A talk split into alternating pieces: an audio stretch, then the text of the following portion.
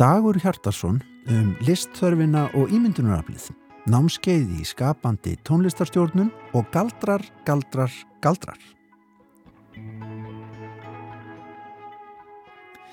Viðsjá í dag verður að stórum hluta helguð göldrum en nú á dögunum kom út bókin Galdrar og Guðlast á 17. öld eftir Má Jónsson. Í bókinni eru teknir saman og gefnir út allir tilteknir dómar sem komu fyrir rétt og vörðuðu ákæru eða orðróm um galdra á árabilinu 1546 til 1772. Í þætti dagsins fáum við að ferðast með bókinni aftur á 17. öld og heyra lesin brot úr dómsmáli Klemusar Bjarnasonar en einnig ræðu við við Má Jónsson höfund verksins. Rittöfundurinn Dagur Hjartarsson, hann tekur einni til máls hér í Íðsjá dagsins. Dagur ætlar að mæta hér í þáttin aðra hverja viku næstu mánuðina og ræða hér vítt og breytt um listþörfina og ímyndunaraflið. Við sláum á þráðin til Sigrúnar Sæfarsdóttur Griffiths en hún er að undirbúa námskeiði í skapandi tónlistastjórnun við nýja tónlistaskólan næstu helgi. En við byrjum við sjá dagsins á nýjum pislahöfundi. Dagur Hjartarsson tekur til máls.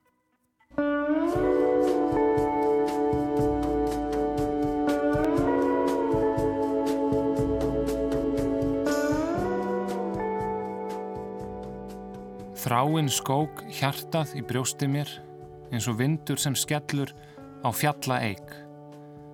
Þannig hljóðar í þýðingu Þorsteins Viljámssonar eitt þeirra brota sem varvest hafa á ljóðum grísku skáldkonunnar Safóar frá Lesbos. Hún var uppi fyrir 2600 árum síðan, fættum 630 fyrir Krist og dáin í kringum 570 fyrir Krist. Þetta er ekki alveg á hreinu, við vitum lítið um þessa huldu konu en það er aðeins eitt hvæða hennar talið hafa varveist í heilu lægi. Hitt er allt í brotum. Aðeins 650 línur varveittar af þeim 10.000 sem hún kann að hafa orrt. Og mörg þeirra brota sem við höfum í dag voru glötuð í árþúsundir. Sum endurheimt á russlahögum form Gríkja eða í fræðibókum þeirra Önnur hafa varveist á æfintýralegan hátt, eins og tíminn sem milur allt í duft hafið miskunnað sig yfir þau, litið í hina áttina, leift þeim að lifa. Eitt brotana fundu fræðimenn árið 1937. Það hafi verið skrifað á brot úr leirpotti í Egiptalandi þrjú eða 400 árum eftir dauða Safóar á Greiklandi. Ljóðasafn hennar fylgti heil nýju bindi en þau urðu eldinum í Aleksandriju að bráð. Brunnið, brotið, rifið, allt í mólum og tætlum. Það var þetta sem ljóð Safóar opnuði fyrir mér þegar ég glukkaði í þau andvaka um daginn. Ljóðlist í tætlum, líf í mólum, endalus brot. Ég átti ekki vona á að fingur mínir myndu strúkast utan í heiminin. Þannig yrkir Safó fyrir 2600 árum síðan og hvað svo? Það veit engin. Þessar línur standa einar eftir án samhengis, brot af horfinni held. En samt lesu við Safó. Samt er hún helt fræðasvið. Endalus málþing utanum þessa móla, óteljandi tilraunir velviljaðra fræði og áhuga manna til að púsla ljóðlistina saman svo úr verði eitthvað heilt. Ég legg frá mér leifarnar af ljóðasafni Safóar, þessa feysléttu bók og í mér setur tilfinning fyrir því að heimurinn sé í eðli sinu í mólum. Að lífið gerist ekki í einni samfældri hreyfingu, heldur þvert á móti í endalösri röð af brotum sem mætast ekki fyrir en við ákveðum sjálf að láta þau mætast. Kanski sækir þessi kenda á mig út af því að ég hef sofið lítið og ítla undanfarið. Það hefur áhrif á heilan. Heili, það er fallegt orð, komið af orðinu heill. Ég hafði aldrei pælt í því áður en þetta er samt augljós núna þegar ég skrifa það. Líffærið sem saminar skinnfæri okkar í eina vitundarmiðju svo heimurinn sem við skinnjum virðist heill, heili. Kanski er það sveppleysi sem ítur undir þessa kend en hún er sterk og ekki endilega neikvæð því það er fallegt hvern okkur tekst að skálda á öllu heilt. Fallegt og hlægilegt og alveg hræðulega mennst. Heimurinn er í mólum, það er dálítið bratt að orða þetta svona en fleiri hljóta hafa haft þetta á tilfinningunni. Við vöknum hvert morgun og reynum að líma heiminn saman í huganum, púslum saman deginum sem blasir við okkur, púslum saman drömnum akkurat þegar við finnum hann renn okkur úr greipum. Púslum saman matsæli vikunar, strætóferðum og búðarferðum og ef okkur gefst næði til þess, fyrir framann speilin eða yfir morgunkaffinu eða á leiðin í vinnuna, þá reynum við líka að tjastla okkur sjálfum saman, ger okkur heil, eða í öllu falli láta okkur líta út fyrir að vera heil í augum annara. Þekking vor er í mólum, segir í fyrra korentubrefi og þau orð hafa lifað í næstum 2000 ár út af því að þau eru sönn. En þekking okkar, í hversu mörgum mólum sem hún kann að vera, rýs upp úr því sem er þegar í mólum. Mart sem við vitum um alheiminn og sögu lífs á jörðinni, kannski flest, rýs upp úr mólum og brotum. Við vitum hvar og hvenar risaðilur gengu á jörðinni, við erum búin að púsla því saman. En við vitum líka að beinin inn í eirum neanderdalsmanna voru öðruvísi en beinin í eirum okkar. Þóttir hafi líklega heyrt alveg svo við heyrum. Við vitum þetta allt út af því að við höfum raðað saman beinum og tönnum og lesið í steina og jarðlög. Við getum búið til alveg ótrúlega heild úr því sem er brotið. Heild sem er stundum svo sannfarandi að hún fullnægir ekkur innra með okkur. Gerir okkur sjálf heil eitt andartak eða fær okkur allavega til að trúa því að við séum heil eða hluti af heild.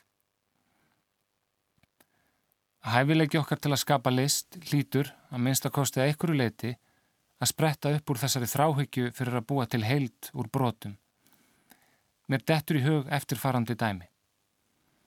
Árið 1515 gerði þýski myndlistarmadurinn Albrecht Dürer treristu af nasirningi. Þetta er grípandi mynd, full af levandi smáadröðum og spennu, dýrið er í senn kraftmikið og kupslegt, fyllir út í myndflötin eins og það geti á hverri stundu sprengtan utan af sér. Tréristan var fjöldaframleitt og rókseldist. Almenningur Evrópu sem aldrei hafi séð nasirning vissi núna hvernig þetta framandi dýr leit út. Trérista Dürers var þinn opinbera mynd af nasirningi næstu ár hundruðin í Evrópu. Hanna mátti meira að segja ennfinna í þýskum kjenslubókum á fjóruða áratug síðustu aldar. Það er auðvitað ekkert einstæmi að listaverk lifi lengi í vitund fólks og þjóða, en það sem gerir þessa tilteknu tréristu alveg sérstaka er svo staðreind að Albrecht Dürer, þessi ótrúlegi mistari og frumkvöðull á sviði raunsærar myndlistar, hann hafði aldrei nokkuð tíman séð nasirning. Árið 1515 lagðist Portugalst skip að Bryggju í Lissabon eftir 120 daga siglingu frá Indlandi. Um borði skipinu var indverskur nasirningur, gjöf til Manuels fyrsta, konungs Portugal. Nasirningurinn var líklega svo fyrsti sem sérst hafði í Evrópu í meira en þúsund ár. Manuel fyrsti ákvaði þetta sama ár, 1515, að senda heið mikilfenglega dýr í aðra sjóferð, nú sem gjöf til Pávans í Róm. En það fór með þá sjóferð eins og svo margar aðrar, skipið fórst og nasirningurinn með því. Þótt Evrópuför nasirningsins hafi fengið snöggan endi, þá barst róður hans viða. Sögur, lýsingar og jafnvel skissur af dýrinu fór á flakk. Einn þessara tekninga barst Albrecht Dürer í Nürberg.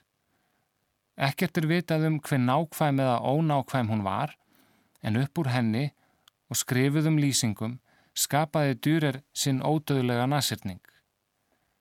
Nasirning sem fljótt á litið lítur út eins og alvöru nasirningur en þegar við skoðum hann betur kemur ímislegt undarlegt í ljós. Eins konar brinja virðist liggja yfir búk og hál stýrsins. Fjadrir eða laung hár stingast út úr halanum og reistur er á löpunum. Undarlegast er þó lítið horn á bakinu rétt ofan við hálsin. Niðurstaðan er nasirningur sem lítur alveg eins út og nasirningur en er samt ekkert eins og nasirningur.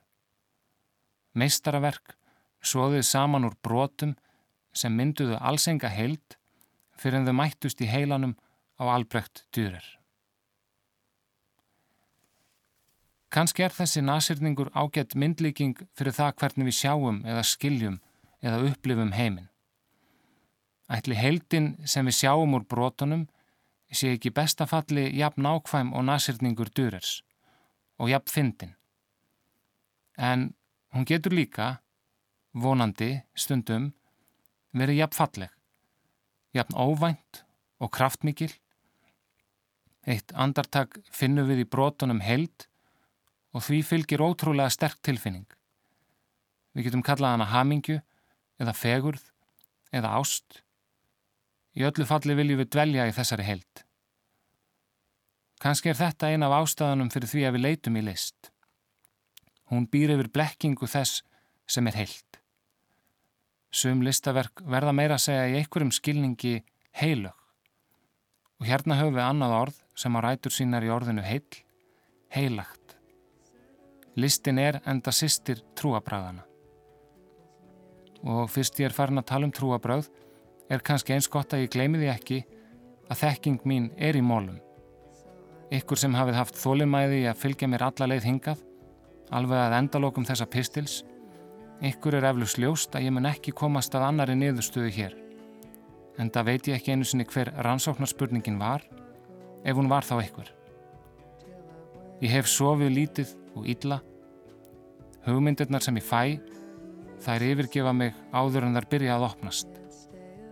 Og þegar ég horfa eftir þeim, varpa þær á mig skugga.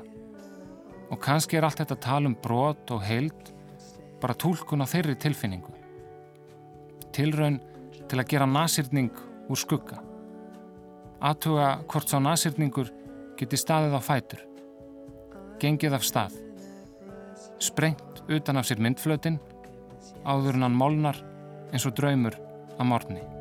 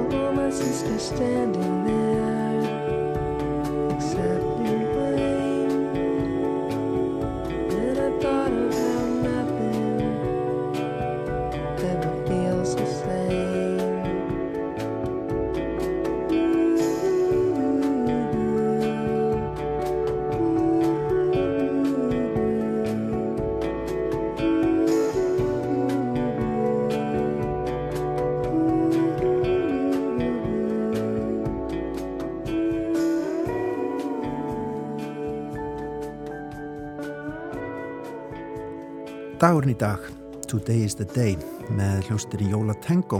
Þar á undan saði Dagur Hjartarsson okkur skoðun sína á listþörfinni og ímyndunaraflinu. Hann verður hér aftur í þættinum eftir tvær vikur.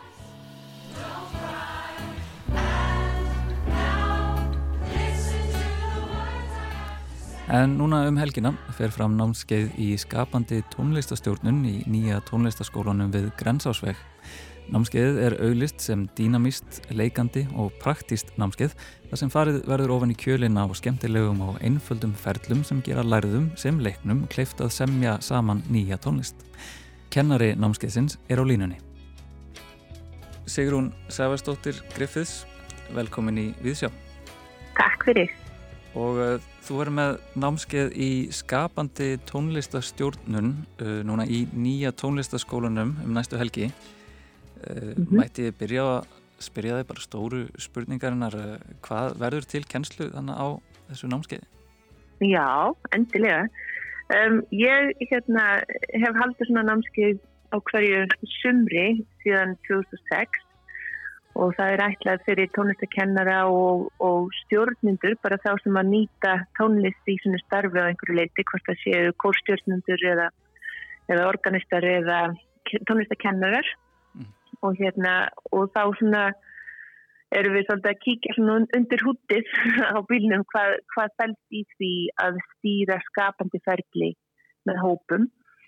Um, þar sem að, að við erum ekki markvist að kenna á hljóðfæri eins og, eins og megnið af tónlistakennurum er, er gert að gera í landinu heldur erum við að nýta þessa kunnáttu, nýta tónlistuna annan hátt til að fá fólk þess að stemja.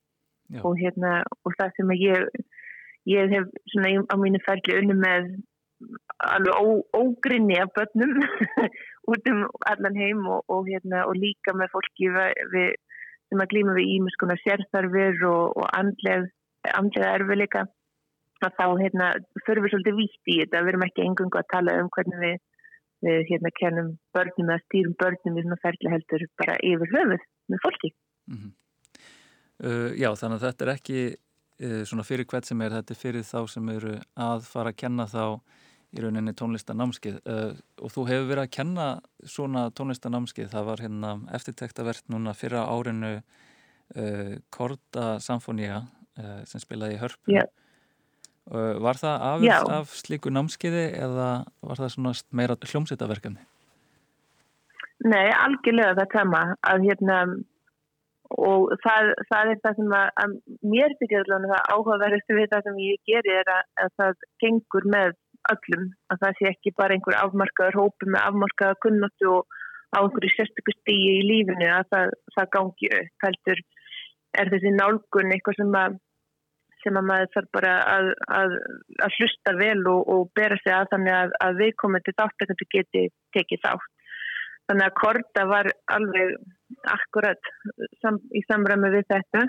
Mm -hmm. að, hérna, að það var sagt, fólk úr starfsöndarhæfingu stöðum á Suðvesturhóllinu og Hugarafli og ásamt nefnundin úr Listaháskóla Íslands og hljóðfarleikarum og Sjófarnjóðst Íslands sem að þar komu saman og, og sömdu alveg frá grunni glæni að tónlist, texta, lög og útsetningar og allt á nýju dögum og fluttum í Elborg fyrir stúdfullu húsi svo við erum að, að skoða þær, þær vinnu aðferðir og fá nálgun á þessi námskeiðunum helgina. Og það er einmitt svo skemmtilegt að segja frá því að aðstofastjórnundum mínir í kortu munum þar taka þátt í námskeiðum núnum helgina til þess að vegna þess að ég er að sjálfa þá sem, sem stjórnendur líka. Já. og nú erum við með lærlinga úr hópi kortu samfunni fólk sem kemur úr starfsveinstarhefingum og frá hugaröfni sem eru líka orðin lærlingar okkar núna og eru að læra þess að náttúrulega sjálfur. Einmitt. Og uh, nú þegar maður heyrir uh, orðið tónlistastjórnuna þá náttúrulega þetta er mjög stórt orð en maður hugsaður alltaf fyrst um uh, leiðtoga hljómsveitarina sem veifar tónlistastjórnenda prikið að veifa fyrir framann hljómsveitina verður það hluti af þessu námskiði að, læra stýrenni með prikinu eða er þetta meira umfangið sem það vart að kenna? Það, ég var einmitt að hugsa það núna bara í gæðir þá var ég að byrja að plana þegar ég gerum helginu og það er eitt liður af því og það er náttúrulega fólk kemur frá al, með alls konar bakurinn líka á svona námskeið þannig að það er þó að fólk hafi hugstulega setið í, í hljómsveit að það er ekkit endilega að það kunni þessi slög og það er ekkit endilega heldur að fólk þurfa að kunna slegin til að geta stjórnaði. Það er ágætt að hafa þessa insýn líka að, að vita út af hvað það, það gengur en það mjög meira svona á, í varðandi þessi mannlegu samskipti og, og hérna og líka þú veist hvernig maður les hópin hvernig maður heldur flæði og svona jákvæða, jákvæða andrúrslöfti í, í stofinu og rýmum þar sem maður vinnur. Og svo þessi praktiska hluti líka að, að fara í sagt, kenna einhverju risma æfingar og, og, hérna, og, og líka hvað getur verið uppháspunktur af skapandi ferli, hvernig eins og núna þá stend ég akkurat í þetta húsinu við strandgötu í Hafnafjörði og er að vinna með starfsendur hefur Hafnafjörðar og núna erum við í miðju flæði að við erum að, að byrja sem með texta og það var okkur upphafspunktur og nú ætlum við að fara að skoða hvernig við færum textan í lag, það er næsta skref. Þannig að ég mun um helgin að skoða með það í ímsa uppáspunkta, hvernig maður getur byrjað svona, taka, taka fyrsta skrif og þegar maður er búin að taka fyrsta skrif þá þarf maður bara að taka næsta skrif og þá verður þetta stöður Ég ætla að lefa þér að halda áfram, ég ætla ekki að hafa mikið lengra sinni. Um, skráning á námskeiðið uh, hún fer fram í, er það ekki bara í tölvuposti? Jú, og það er bara orðið uppsest því miður, en ég bara er jafnveg, en það er mjög jákvægt og sérstaklega að koma út úr kófinu og að, að, hérna, að það er mikil, mikil svona, það er bara forsti í samfélaginu eftir, eftir svona einhverju skemmtilegu og, og uppbyggilegu sem að fer fram inn í bara samfélaginu öllu þannig að það, það gerðist alveg á auðabræðu að það fyrstist Já. En ég er jafnvel að hugsa um að halda aðra svona smiði og annað námski síðar á veiturinu. Svo að bara fólk getur haldið augum og eirum ofnum. Já, það er gott að heyra og um, ég vona að gangi vel hérna um helgina. Þetta verður 20. og 5. til 20. og 7. seft. Sigrún Sæfarsdóttir Griffiths, takk kærlega fyrir spjallið. Takk fyrir sumulegðið. Bless, bless. Bless, bless.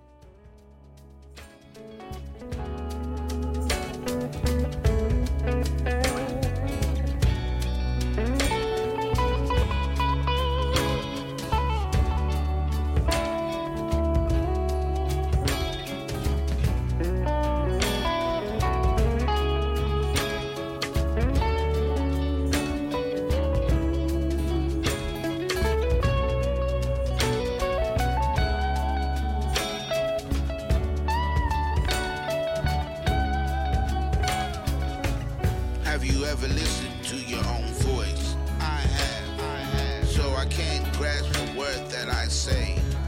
Now, now, cause everybody's talking to me.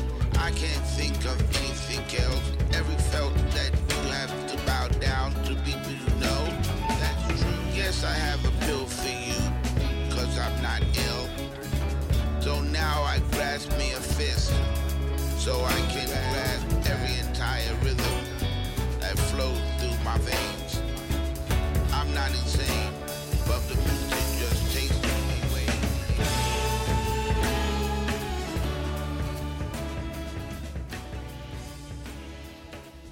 hljómsveitin The Messengers og lagið Have You Ever af plötunni Bear Witness. En þetta er ein af hljómsveitum sem Sigrun stýrir í London. Og tónlist er vissulega hinn æðsta tegund, fjölkingi og galdra ef eitthvað er að marka orð Albusar Dumbledore úr bókafloknum um Harry Potter. En hér í Viðsjó ætlum við að huga að töluvert óhugnarlegri göldrum við opnum aðra bók og stígum beint inn í dómsmál á 17. öld. Já, hlusti vel hlustandu góður, en það kemur útskýring á eftir.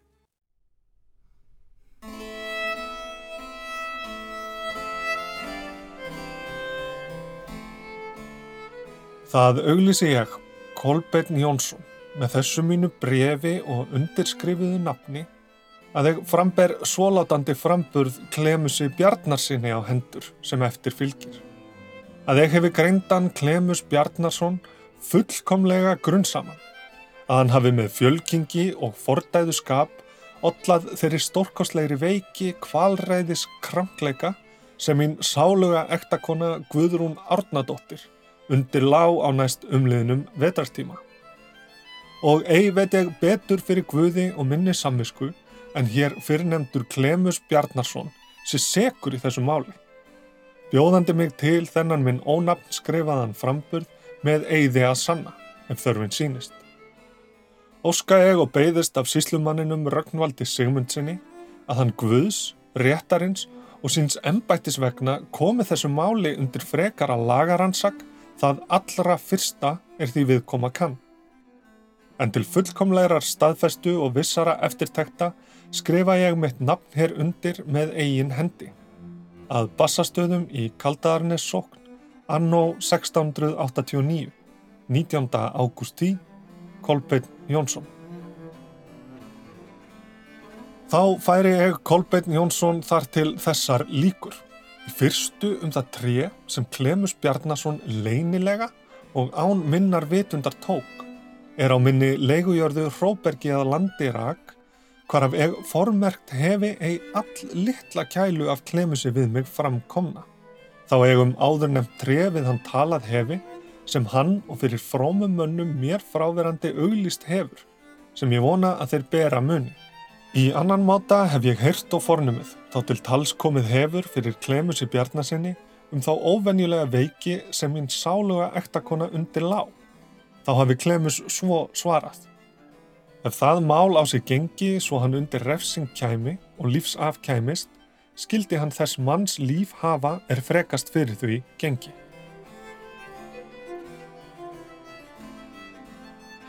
Ég Jón Bjarnason lýsi því að ég ber Klemus Bjarnason þeim áburði að ég held hann kaldan af þeim veikleika sem mín ektakona Óluf Jónsdóttir hefur haft að bera á þessum umliðnum vetri og allt til þess nú er komið með óleifilegri galdrókonst, vitandi eigi betru fyrir Guði og minni samvisku en ég þetta satt segi óska ég af síslumanninum Rögnvaldi Sigmundsinni að hann þetta mál fyrir sig taki og undir laga rannsak koma láti.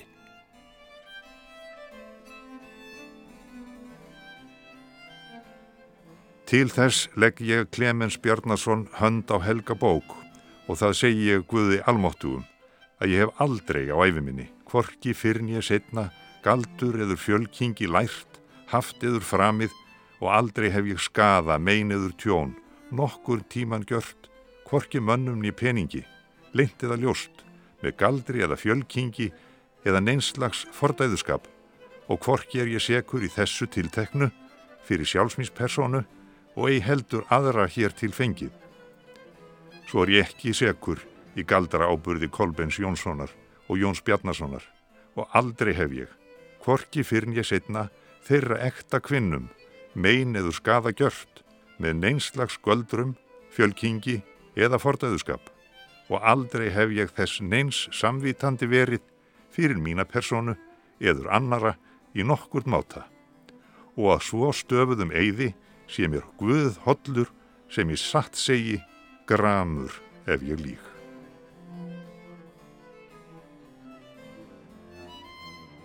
Álekta því ofanskrifaðir útnemdar menn, áðurnemdan Klemus Bjarnason, fyrir allar hinnar innfærðar sakir lögfallin, sem eftir Guðs lögum og landsinsrétti sjáu og skilji upp á lífið standamunni. Ennum frekar aðkvæði setja þeir inn fyrir lögmenn og lögréttuna. Kom svo þetta mál til álita og traktarunar hér í lögréttu þann 9. júli og þetta eftirskrifað aðtúavert í nefnds klemusarmálefni sem við eigðfallið og ofanskrifaða átburði bætist. Eitt, hans vond kynning frá barndómi við galdra kent. Hans meðkenning um galdur oftlega séðan. Þrjú, hans meðkend brúkun á tófuversi yfir sínum fjenaði með storri vanbrúkun Guðs heilagsnaps. Fjögur um Guðs orða fóröktun á umliðnum vetri. Fimm hans skadvænlegar heitingar bæði upp á hans svarnar og sannbevísaðar að hann skildi þess manns líf hafa sem frekast fyrir því hefði hann undir refsing kæmi. Svo lögþingsmenn álítað þennan Klemus þann vandraða mann sem kongleg magistratis skipar að láta refsa til landhreinsunar hvers vegna að margur maður er um sitt líf uggandi. Er því í herrans nafni, lögmanna og lögréttunar samþykkilegur og fullkomindómur að oft nefndur Klemus Bjarnason skuli í lífinu straffast sem svarinn og sannprófaður ódáða maður og í eldi brennast eftir forsvaranlegri tilhlutan valdsmannsins Röggvalds Sigmundssonar. Hér heyrðum við lesið upp úr galdradómsmáli Klemisar Bjarnasonar frá árinu 1678 en það er síðasti dauðadómurinn sem fjall í galdrafárinu á Íslandi á 17. öld. Klemus var þó ekki brendur á báli eins og hveður í domnum, heldur var niðurstöðunni snúið við í Kaupmannahöfn. Christian Müller, amtmann på Ísland, Anlangene Klemus Bjarnason som får trolldom er dømt fra lífið um mál Klemusar Bjarnason sem borin var galdramáli í strandsýslu og í fyrrasumar frá lífi dæmdur að hann skuli útlægur af landinu æfinlega. Datum 5. mæ þessa árs með konglegrar magistrates nafni Sekreti.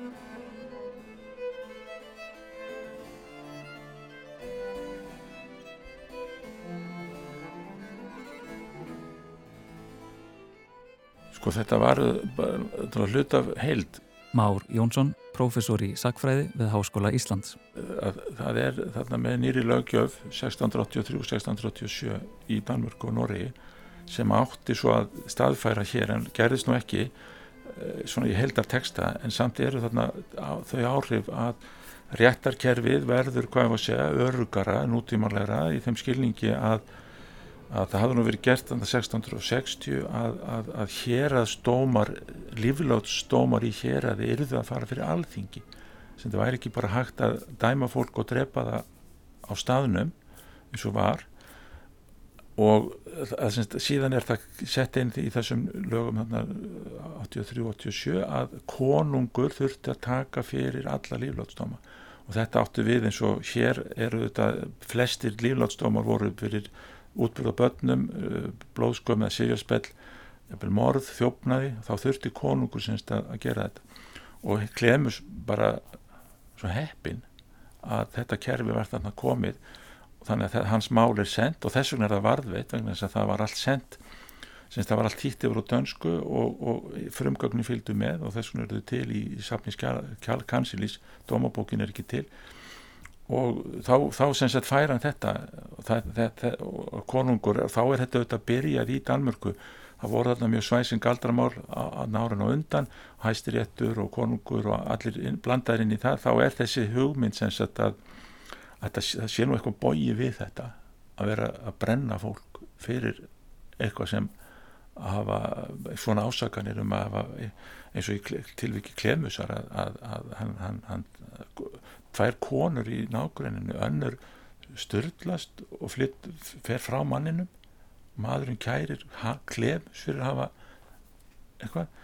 Og svo önnur veikist og deyr sko. og þetta eru tveir bændur þetta nágrænans og þetta eru greinlega menn sem hafa verið í íldeilum við hann út af að er hann þjófnaði og svona. Þetta er greinlega svona svo augljósar einhverja svona krydd nágræna kryddur en síðan þetta kannski er gripið til eldri ákvæða og í staðin fyrir eins og í blóðskapmarmálum og öðrum mildunum innan gæsalappa auðvitað að menn voru sendir í ævilanga þrælkunavist í Kaupmannhöfn sem dóu þá eftir nokkur ár að Klemus er dæmdur í útlegð og hvað á bóndadurkur úr sengrinsverðinum að gera í Kaupmannhöfn eina sem gerist er að hann bara fær einhverja pest og deyr og hann er þjónustjáður og það kemur fram að, að Einar Þorstinsson sem, var þá biskupsefn á hólum þjónusturann og þess vegna vitum við að hann, hann dó þarna bara eitthvað ári eftir að hann er sendur þarna rekin, flæmdur á heimann og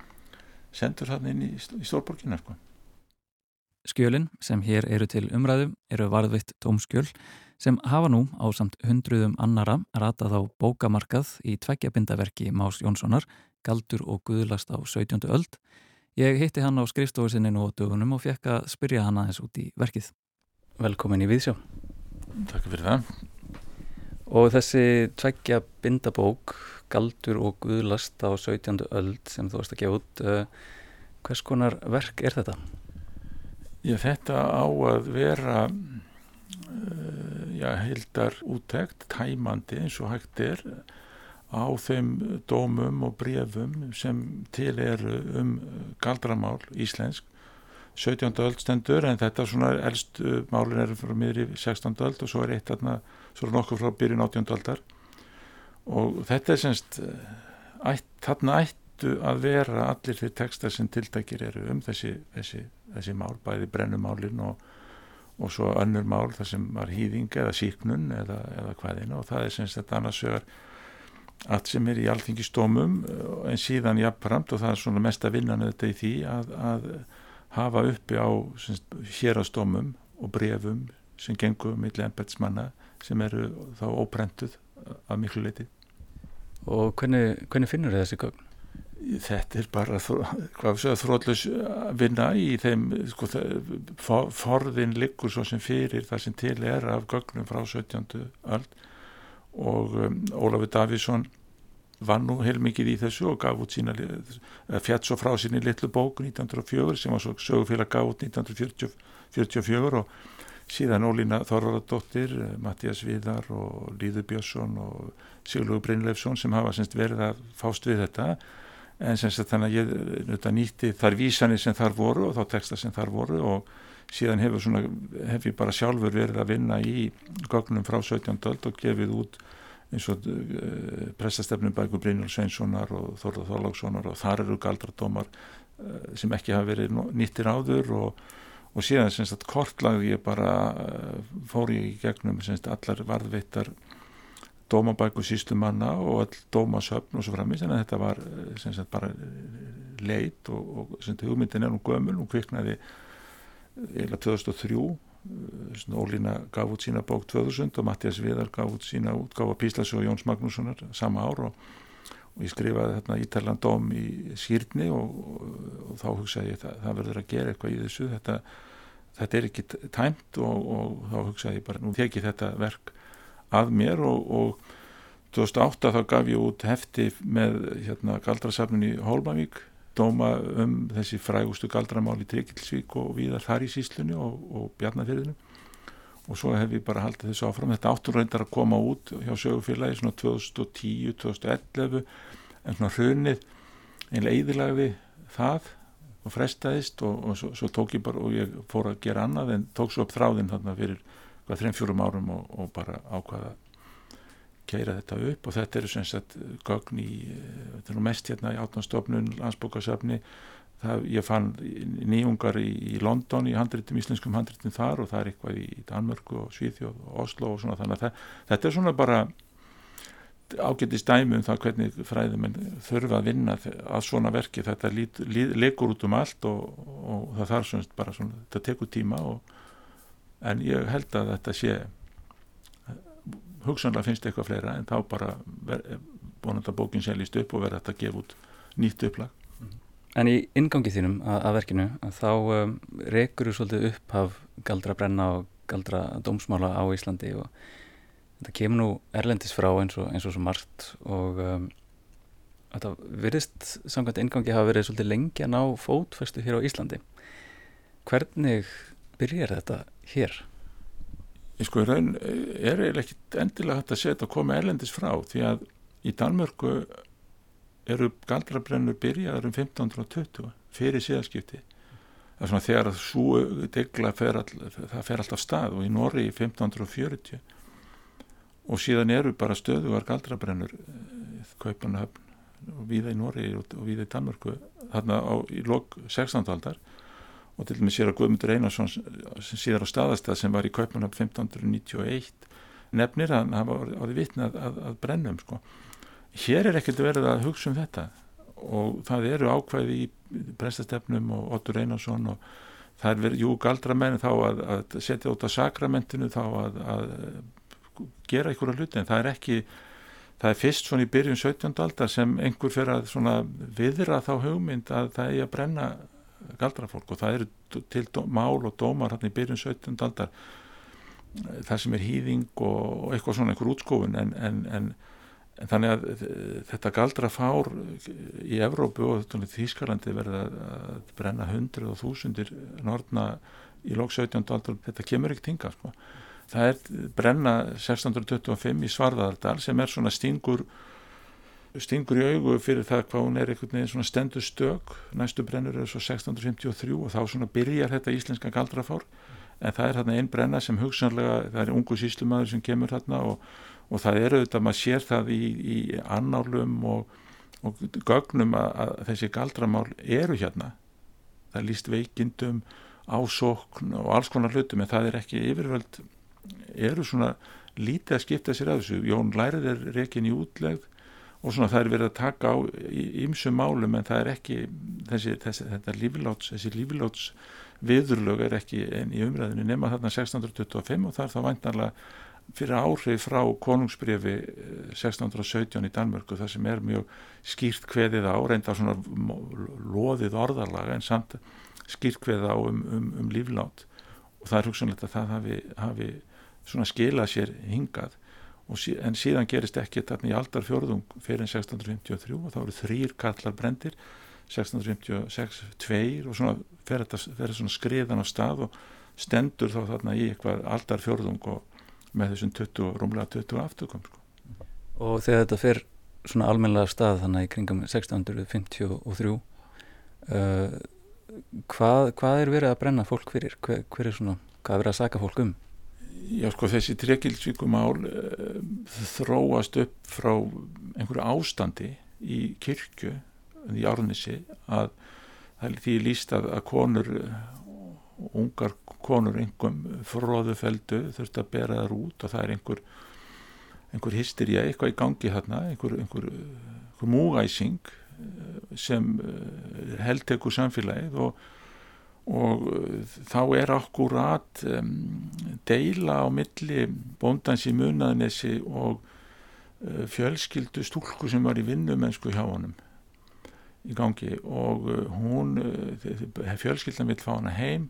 Hún vill ekki fara, kallin vill ekki sleppinni hún er sótt heim og veikist þar og fer aftur. Og bræður þessara stúlku saka þá þóruð um galdra og hann er sem sagt tekinn fyrir dóm og þar er þá komið Þorleifur Kortsson sem síðan er náttúrulega svona komið á þessu málum en, en þá var hann kottnungum aður og, og annar síslum að með honum og þeir sem sagt senda þetta til alþingis og, og byggðu mat á þessu og það er þá ákveðið að þessi venjulega aðferð sem við sönnun sem, og ein, er eina aðferð við sönnun sem menn hafðu þessi tiltareiður þá þurfti sem þetta að finna þarna kalla í sveitinni sem gáttu unnið eið með honum með á móti og, og það er greinlegt að samfélagið var á mótonum þannig að hann er fellur og eið að kemur ekki fram eiði og síðan er greinilega þrengt að honum þarna um haustið í, í Árnesi við, á Þingi og prestur, síslumenn ganga, þannig að pyntinga voru ekki lefðar samkvæmt lögum en eins og það, það er greinlegt að það eru harðar yfirheyslur og hann gefur sig. Og viður kennir að, að, að hafa samið við Kölska og sendt revin í sveit og alls konar svona einhver atriði sem hann, sem hann játar á sig. Og nefnir svo einhvern annan kall og svo byrtast þarna bara tveir menn í viðbót sem annar er bara játar á sig galdra og það bara myndast einhver stemning og þessi þrýr karlar eru þá bara teknir bóstálega og kastað á bálið.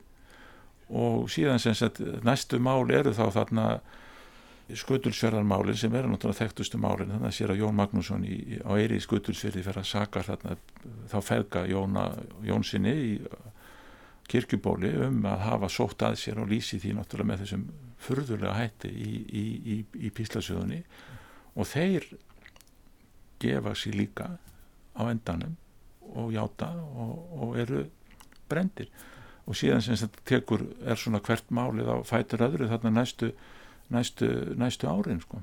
mest á vestfjörðum en líka í húnavansíslu og með, mikið af þessu tengist Þorlefi Elst, hann kom að mörgum af þessum málum og hann er semst greinlega trúaður á þessu. Svo þetta sér að Pátt Björnsson í Selaldar það er svona mestast stemningin í, í kringum þetta. En það er líka greinlega að að, að alltíða var trúðu þessu að, og það, þannig að það er svona myndast þarna þessi, þessi stemning þannig í Rúman Aldarfjörðung þá, þá rennur þetta af. Það bara hverfa þessar hugmyndir. Mm.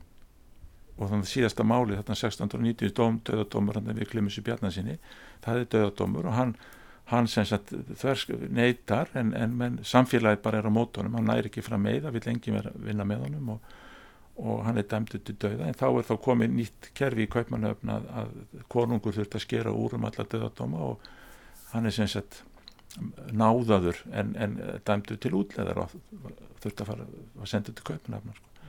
en eftir það þá er, er slatta málum en, en það er bara eins og menn hafi algjörlega mist trún á að þetta sé nokkur raunhæft og svo snemma átjóndöld Átni Magnússon, Pál Vítalin gaggrinir þetta mjög harlega og og síðan alþingi tekur það bara á skari svona 1718 og svona, við tölum ekki um svona mál framar, við nennum þessu ekki, þetta er bara þvæla sko.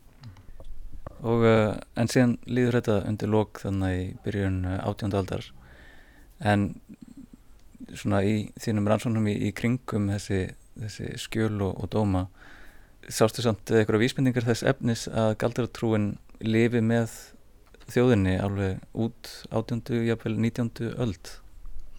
Já sko eins og, Ólína Þorvaradóttir skrifa nú í sín, svona setni hluta sinnar réttgerðar þá er þá þjóðtrúin auðvitað mjög sterk á, á, á 19. öld að, að það eru galdrar alltaf byllandi í galdurum í henni og það eru svona til einhver, til einhver slæðingur af svona frásögnum sko um, um draugagang og, og svo framins og framins miður 18. öld og alla 19. öldina svona og vantarlega ennþá en, sagt og, og þessi hugmynd sem er náttúrulega megin hugmynd í þessum göldrum á, á, á 17. öld er að, að, að það eru sagt einhverju einstaklingar sem valda veikindum að, að setja veikindi að það er epa annað fólk drepa söðfjö en sagt meg, megnið að þessu eru veikindi að þú ná, veikist og þetta er ekkit betra í hug en að nágranniðin sem þér er ítla við hljóti að hafa gert þetta og síðan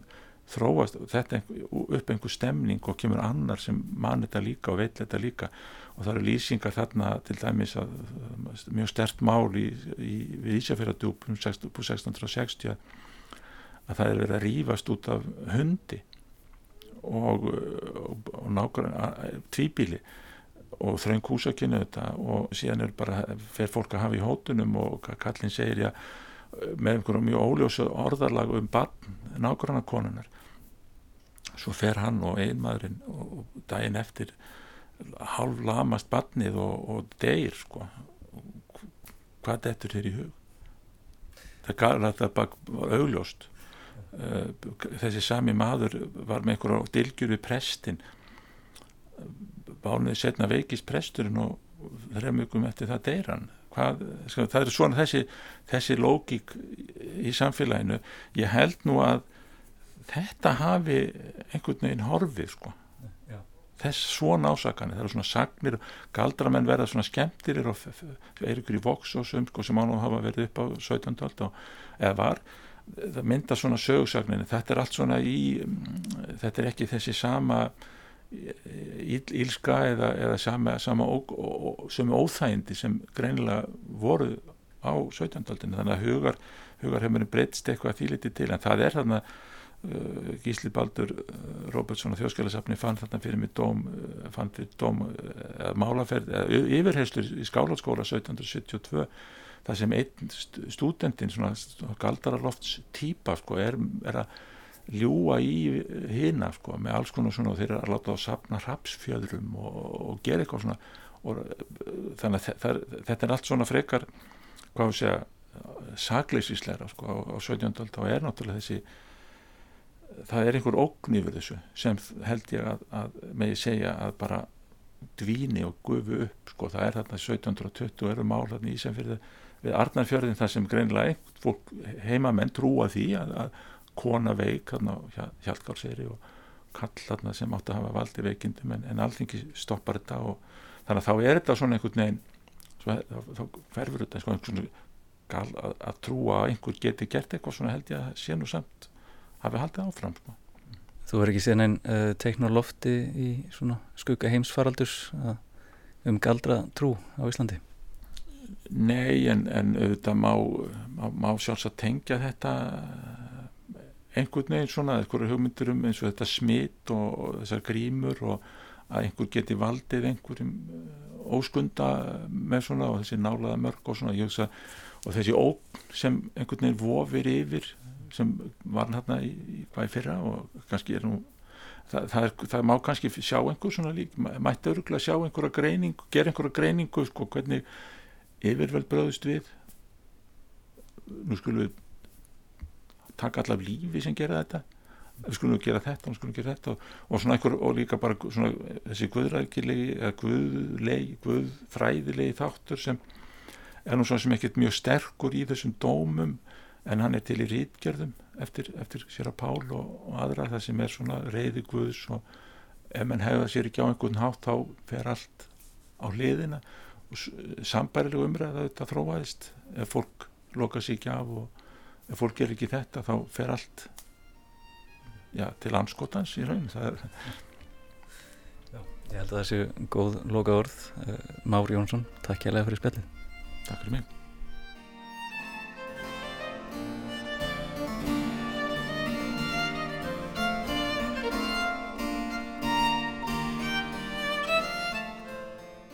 Já, ef við gerum ekki hitt og gerum ekki þetta þá fer allt til andskotans, sagði Már Jónsson um galdra og COVID og það er vissulega galdrastemming í loftinu um þessar myndir, faraldurinn sem geysar og enginn hans sverja sig ætt við engina lýsingar galdra á 17. öld en þegar betur er aðgáð eru sum galdra enginni þó afar sérstök.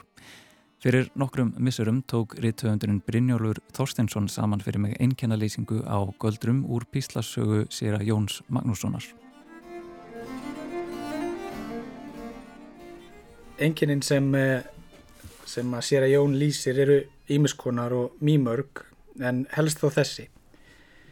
Fótaóerð, sveppleysi, martraðir og ímiskonar næturfælur, þreita, máttleysi, óhreinar og undarlegar hugsanir ránkugmyndir, sjónkverfingar, algengt er að sjá hunda, orma og flugur, stundum jafnvel flugnuhöðingjan sjálfan. Verkir á öllu dagi helst í höfði, síðu og baki, brjóstsviði, fyrringur, dofi, lófasviði og handlömun, slög, krampar, floga, hita og kuldakost, kverkaskítur, andnauð og yfirlið, skinvillur, til dæmis harður og sterkur vindur, oft í annað eirað eins og fram úr gapandi hundi. Suð í eirum, ofsarhæsla, ofsakvíði, minnisklöp, tómlæti, málleysi og svefndá.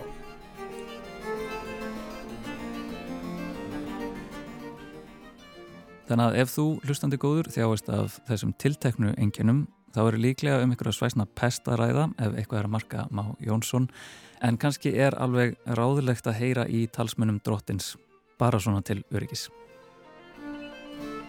Já, heyriði það hlustundu góðir.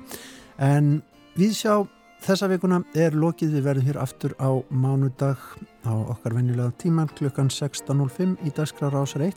Minnum hins vegar á úrvalið okkar á sunnudag klukkan 14. Takk fyrir að hlusta þessa vikuna. Verið með okkur í næstu vikun. Verið sæl. Verið sæl.